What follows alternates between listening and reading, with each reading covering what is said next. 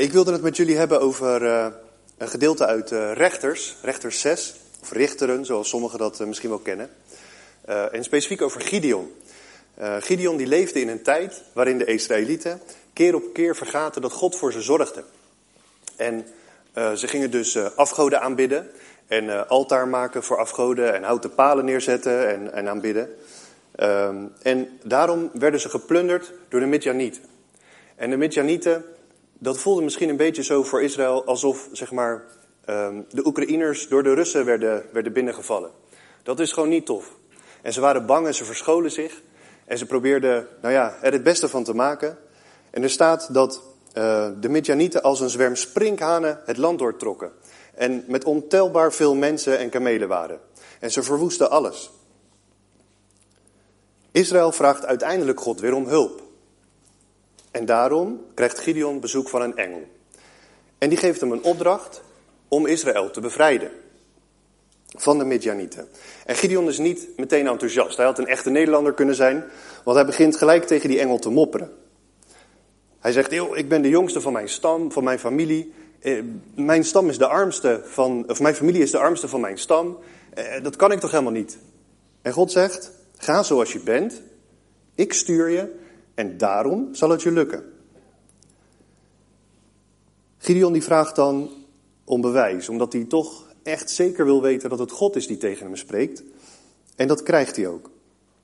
God vraagt eerst Gideon om een altaar voor Baal te slopen en een paal om te hakken die daar zo aanbeden wordt. Um, en hij vindt het eigenlijk best wel spannend, want ja, heel veel mensen die, die vonden dat toch wel een leuke plek om, om te aanbidden. Dus hij besluit om s'nachts te gaan. Hij krijgt ook de opdracht om een stier uh, van zijn vader mee te nemen, een altaar te bouwen voor God en dan de stier te offeren. En een tijdje later, in dat verhaal staat er dan iets moois.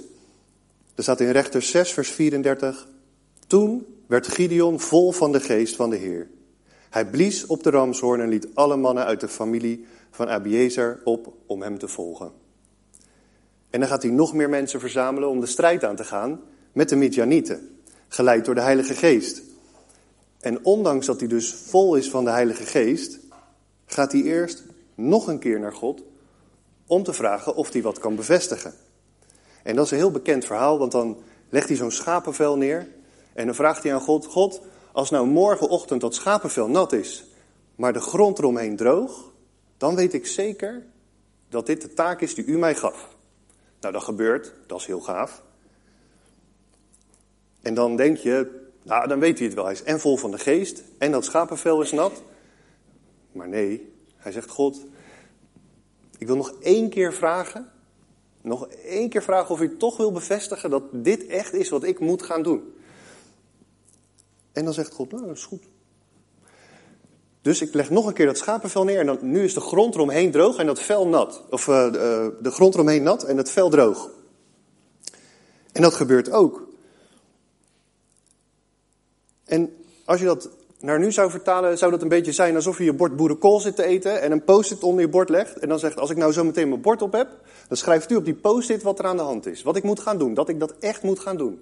En dan heb je je bord boerenkool gegeten, til je je bord op en dan zie je gewoon op die post-it staan. Dit is wat jij moet gaan doen. En dat je dan denkt, de volgende dag, nou, ik weet het nog niet helemaal zeker. Dus je legt weer een post-it onder je bord nasi, bord nasi leeg. En dan vraag je God of hij het niet op de post-it wil schrijven, maar eronder op de tafel. En dan til je je bord nasi op. Staat er niks op de post-it. Til je je post-it op en daar staat het. Je moet dit echt gaan doen. Tijd voor een nieuwe tafel. Dus als je moeder ooit shirt een placemat, dan weet je nu waarom. Gideon die zoekt dus eerst God voor hij ergens aan begint. En niet zomaar. Hij staat, er staat dus dat hij vervuld was met de Heilige Geest. En dit was in een tijd nog voor dat de Heilige Geest voor iedereen beschikbaar werd, waar we nu aan denken als we Pinksteren vieren. Nog voordat Jezus naar de aarde is gekomen en nou ja, dat eigenlijk mogelijk maakte.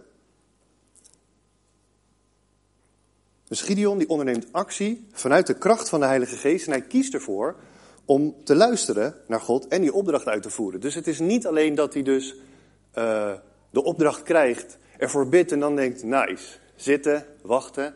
Nee, hij gaat aan de slag. Hij heeft mensen verzameld en, uh, en hij gaat ervoor. Als wij in ons leven uh, moeilijke, grote, ingewikkelde dingen meemaken, weten we vaak wel dat we dat met God moeten overleggen, dat we ervoor gaan bidden. Uh, als ik een preek moet houden, ga ik zoveel mogelijk mensen vragen om te bidden tegen mijn zenuwen, want ik vind het echt heel spannend. En uh, dat is natuurlijk heel makkelijk. Maar doen we dat ook bij de kleine dingen? Gaan we ook bij simpele, eenvoudige dingen vragen of God ons wil helpen? Zou het niet lekker zijn om voor die dingen ook eerst God te zoeken in je leven?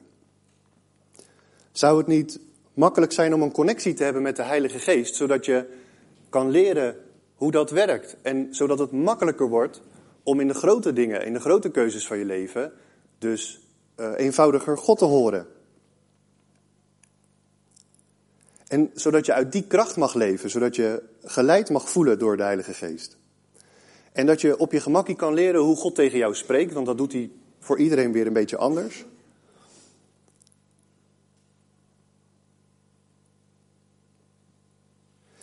En zo kan je ook veel makkelijker herkennen um, wat God tegen jou wil zeggen in situaties dat het moeilijk is. En dat je het lastig hebt. Als je bijvoorbeeld nooit muziek luistert, hoe groot is dan de kans dat er een liedje in je hoofd blijft hangen? Of als je nooit in de Bijbel leest, hoe groot is dan de kans dat er ooit een Bijbeltekst in je naar boven schiet, waar, waar je aan moet denken, om, om, omdat je in een moeilijke situatie zit, die, die heel helpend kan zijn? En hoe groot is de kans dat je God hoort als je nooit naar hem luistert?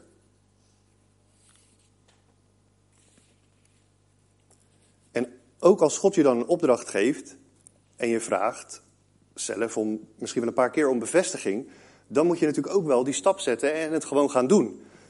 En dan mag je erop vertrouwen dat God je leidt. Gideon vertrouwde er ook op dat God hem leidde.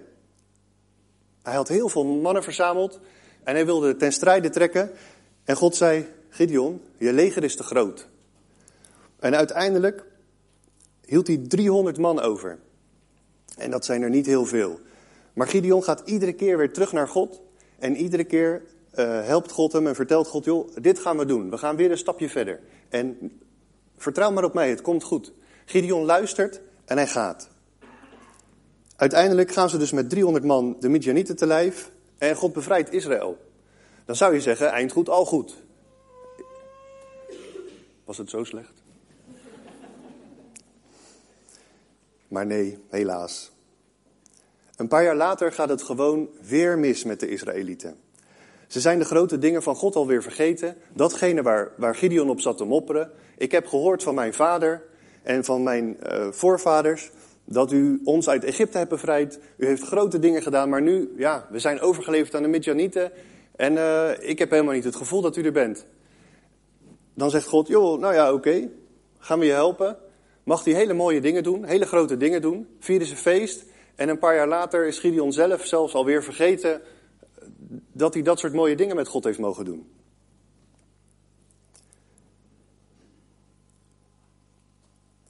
Dus dat hele riedeltje dat begint weer van voren af aan. En wat moeten die Israëlieten een, discipline hebben gehad om zonder hulp van de Heilige Geest in hun dagelijks leven toch iedere keer focus te houden op God. En wat is het mooi dat God niet na een paar keer zegt, joh, mensen, zoek het lekker uit. Weet je, ik heb het nou uh, zo vaak voorgedaan en iedere keer laat ik zien hoe groot ik ben. En iedere keer vergeten jullie dat gewoon en ga je weer je eigen ding doen. En pas als het dan heel moeilijk wordt, dan begin je ineens te janken en te zeggen, help. Ja.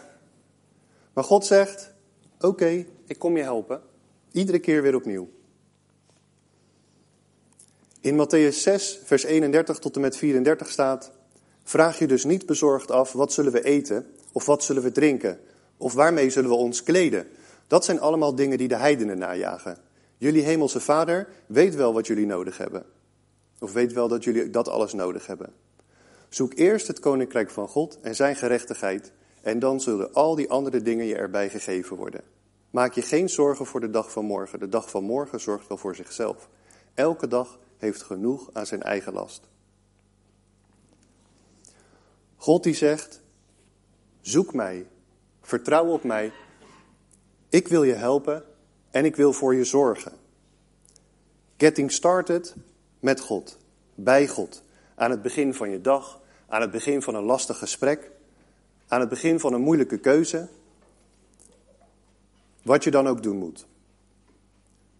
Want wie weet er beter wat je nodig hebt dan diegene die jou gemaakt heeft?